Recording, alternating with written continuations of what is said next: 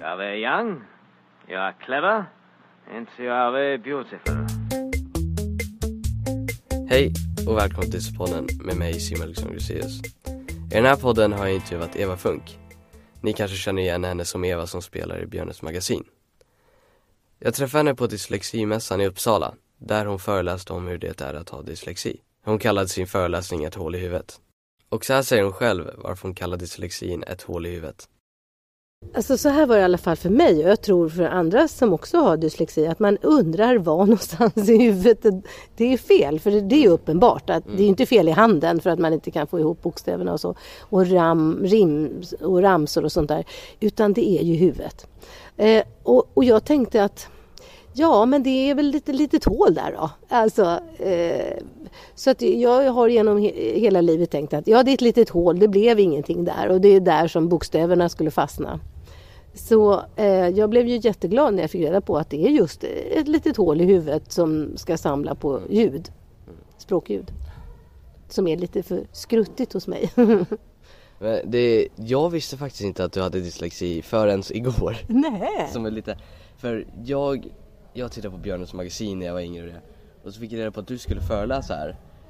Och jag bara, vad ska, varför ska hon föreläsa? Och så bara, men hon har ju dyslexi säger min far. Ja. Och jag bara, hur är det möjligt?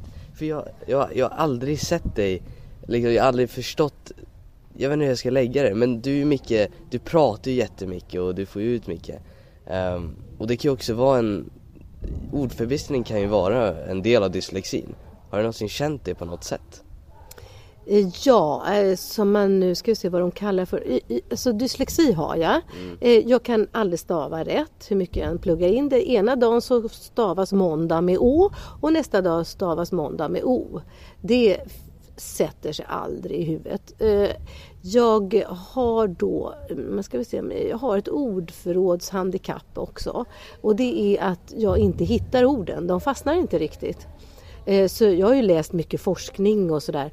Och de där orden fastnar inte. Jag får traggla och traggla. Grejen är, varför man inte tror att jag har dyslexi, är därför att jag håller på med kunskap.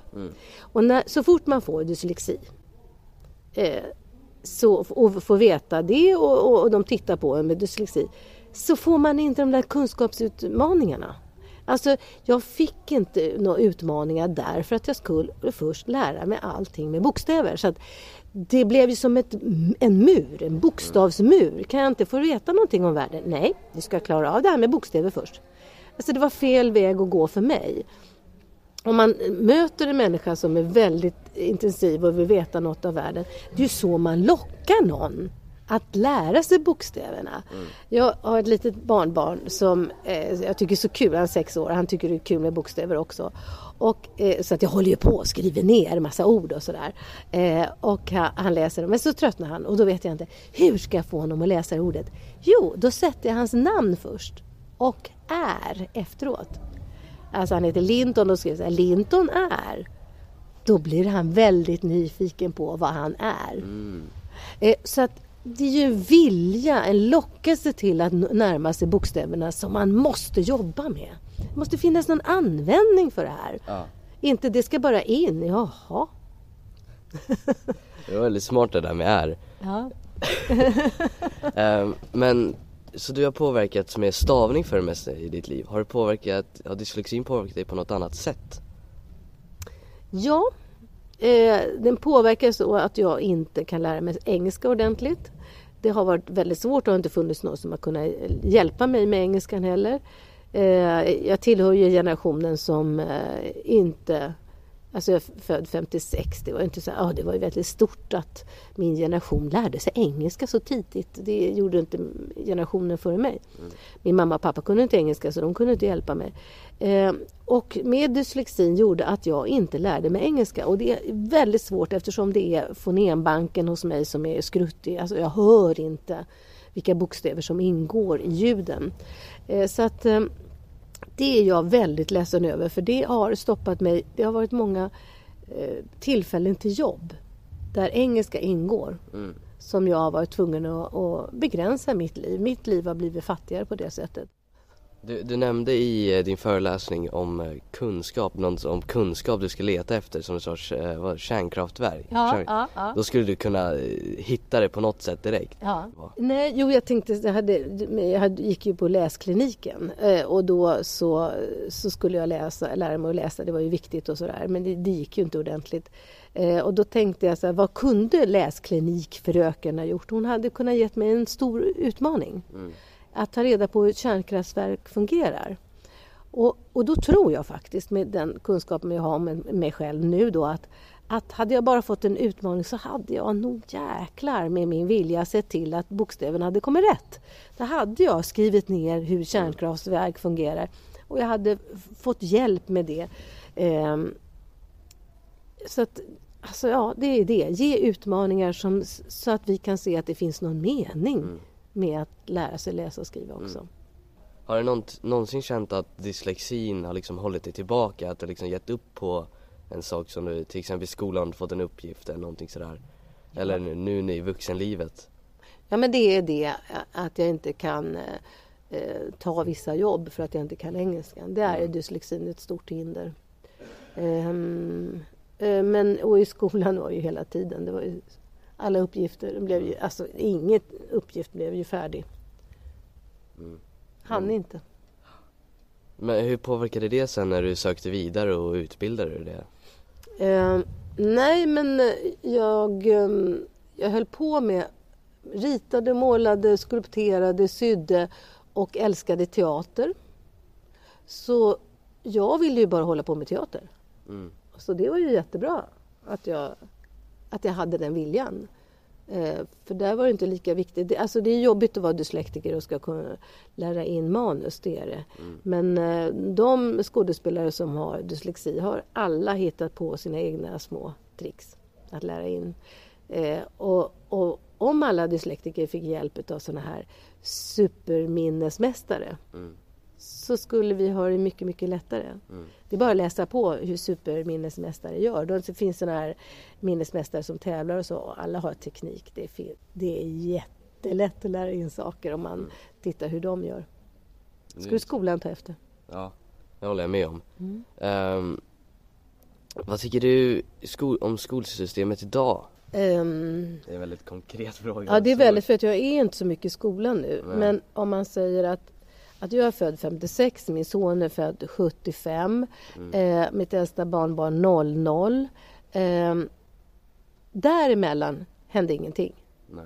Mellan 56 och 00 hände ingenting tyckte jag i skolan. Förståelse för dyslexi, nej. Eh, sen är det möjligt nu är det ju en ny lag eh, från och med somras, eh, tidiga insatser. Man får alltså inte släppa vidare barn och det har man ju gjort fram till nu, släppt vidare för att eh, om man tittar på kurvan när det gäller dyslexi så är det så att den kommer i sjunde klass. Alltså den finns nästan inte fram till sjunde klass. Vad beror det på? Ja, det är en bra fråga. Ja, alla ser, alla lärare ser att det behövs extra resurser. Men man har bara släppt vidare dem. Alltså nu slänger jag in en brandfackla. Men så är det ju, annars hade det inte den här, den här eh, grafen sett ut så här så att det går rakt upp i sjunde och åttonde klass. Du, du nämnde att nästan, vad var det, din, hela din släkt, eller din far Ja, och ditt barn och, den, och barnbarn. ja, barnbarn har dyslexi. Ja. Eh, det är ju lite intressant att, man, då kan man ju se att det medföljs i liksom blodet kan man säga. Mm, Det är DNA. Ja. Alltså eh, alla kroppsdelar byggs av en, en DNA-bit. Eh, en, och DNA ärver vi. Men sen kan miljön också påverka eftersom eh, ljud och krumelurer eh, sparar vi på i hjärnan genom att neuroner, alltså hjärnceller, kopplar ihop sig. Så att ha tre eller fyra hjärnceller kopplat ihop sig och bilda någonting som vi ska komma ihåg som ett S eller M eller så. Eh, då ligger det där resten av livet. Eh, och då är det ju så att om man inte får höra de här ljuden, om man inte får se de här krumelurerna så kommer de inte att finnas där. Så man kan ha dyslexi av eh, en miljö som är verkligen torftig också. Okej, Mm. det är intressant att se. Mm. Ehm, Du berättade också det här med hjärnan, att det är som en bro mellan hjärnan. Mm. Mm. Kan du förklara lite mer? Du berättade det i din Ja. föreläsning. Jag tyckte det var väldigt intressant i det. Ja, man, man kan gå in på Statens beredning för social och medicinsk utvärdering. Alltså den här statliga institutionen tittar igenom all forskning massa år tillbaka. Eh, de håller på i flera år och där så tittar de också vad eh, neuroforskarna kommer fram till. Eh, där kan jag säga att det är någonting som skolan eh, har haft något vattentäta skott mellan forskningen och det, det är väldigt tråkigt. Därför när, sen neurovetenskapen kom så har vi fått veta så mycket om hjärnan som man kan använda sig av i utbildningen. Ehm, och då är det så här att ehm, när vi läser så använder vi oss då bland annat av en del av hjärnan som är, som är en bank full utav krumelurer som ser ut som ett S eller P eller L och så där har vi samlat på oss. Och så finns det en annan del av hjärnan som samlar på ljud, eh, fonem, alltså språkljud som mm, prs och sådär. Och när man ska lära sig att läsa och ser ett S så får vi reda på att den där krumeluren i fonem, äh, grafenbanken då, i krumelurbanken har ett ljud. Och då går man över bron och hämtar det ljudet. Så att den här, man går den här bron emellan ljud och krumelur, ljud och krumelur och så sätter man ihop. Och sen finns det en del till i hjärnan. Men om vi ska göra det riktigt enkelt så är det så att man går däremellan. Och när man ljudar, allt det ljudar, det står också där, det är det enda sättet att lära sig att läsa på. Det är att ljuda ordentligt, man kan inte hoppa över det. Och är det så att man får svårigheter, gå tillbaka och börja ljuda. Eh, för då hör man vilka bokstäver som ingår i ordet och man hör också vilka bokstäver som man ska skriva ner. Ja, det är intressant. Ja, visst är det. Och det, att, eh, att känna så här att jag kan få makt över mitt liv även om inte jag har full koll på alla bokstäverna. Mm. Så det är ju det som har gjort att jag har spelat barnteater i 40 år, att jag har gjort alla faktaprogram i TV. Att visa att det spelar ingen roll, hallå där ute i världen, det spelar ingen roll om ni är dyslektiker eller vad ni är. Det är roligt att veta saker och lära sig saker och ting och det är så vi får makt över våra egna liv. Ja. Bara därför. Du verkar ju veta så jäkla mycket så här. Jag, jag skulle inte kunna ta den informationen alls. Jag skulle, Jo, jo om du är intresserad. Jag, jag är intresserad av mycket men jag känner mig så stressad av så mycket knowledge. Ja. Eh, ta en sak i taget. Ja. Ja det var ju också det du sa. Ja. Att då, man kan inte, de som har dyslexi, och det ju, vet jag ju själv att man kan, man måste fokusera på en sak. Jag har aldrig jobbat, jag har aldrig varit anställd, aldrig jobbat med andra. Eh, jag har aldrig suttit kontorslandskap eller så. Utan jag har fått inrätta mitt liv efter det här. Eh, nu tänker inte jag på det när du frågade mig om, om något annat har liksom styrt mitt liv. Jag har inte tänkt på det utan det är så att jag kan inte sitta i kontorslokal, eh, kontorslandskap. Jag kan inte sitta och jobba med andra människor för att jag bara ägnar mig åt dem hela tiden. Så att jag har ju sett till att jag har ett arbete där jag sitter och skriver. Jag har ju livnärt mig på att skriva. Eh, Jag sitter och skriver i lugn och ro för mig själv. Jag har mitt kontor hemma och jag, eh, jag ser till att vara gift med män som älskar hela mig, även min dyslexi. Ja det är smart tänkt. Ja, Ehm, men jag tänkte på en sak, Ehm, hur kom du in liksom i showbusiness? Hur kom du in att börja till exempel uh, Björnes magasin? Hur kom du in att göra det liksom efter eh, utbildning och allt? Ja, eh, jag hade ju ingen utbildning. Utan, nej, det, Det var sorgligt sagt. ja, jag hade ingen utbildning. Men jag tänkte att jag lär mig på vägen. Eh, jag ville hålla på med teater och då, eh, eh, då läste jag på. Liksom. För jag, om jag känner att jag har någon användning av någonting så läser man på. Och jag, eh, när det gällde TV och så, då hade jag ju redan startat en egen teater i Stockholm. Eh, för det sa jag till min man, vi hade ett litet barn och sa jag vill ha en egen teater. Ja men det kan man inte. Jo det kan man visst det. Det är väl bara att hitta en lokal och sätta igång. På den tiden, 81 var det här, då fanns det, inga, då fanns det Stadsteatern och Dramaten och så fanns det Marionetteatern tror jag det fanns. Sen fanns det inga andra barnteatrar i Stockholm. Mm.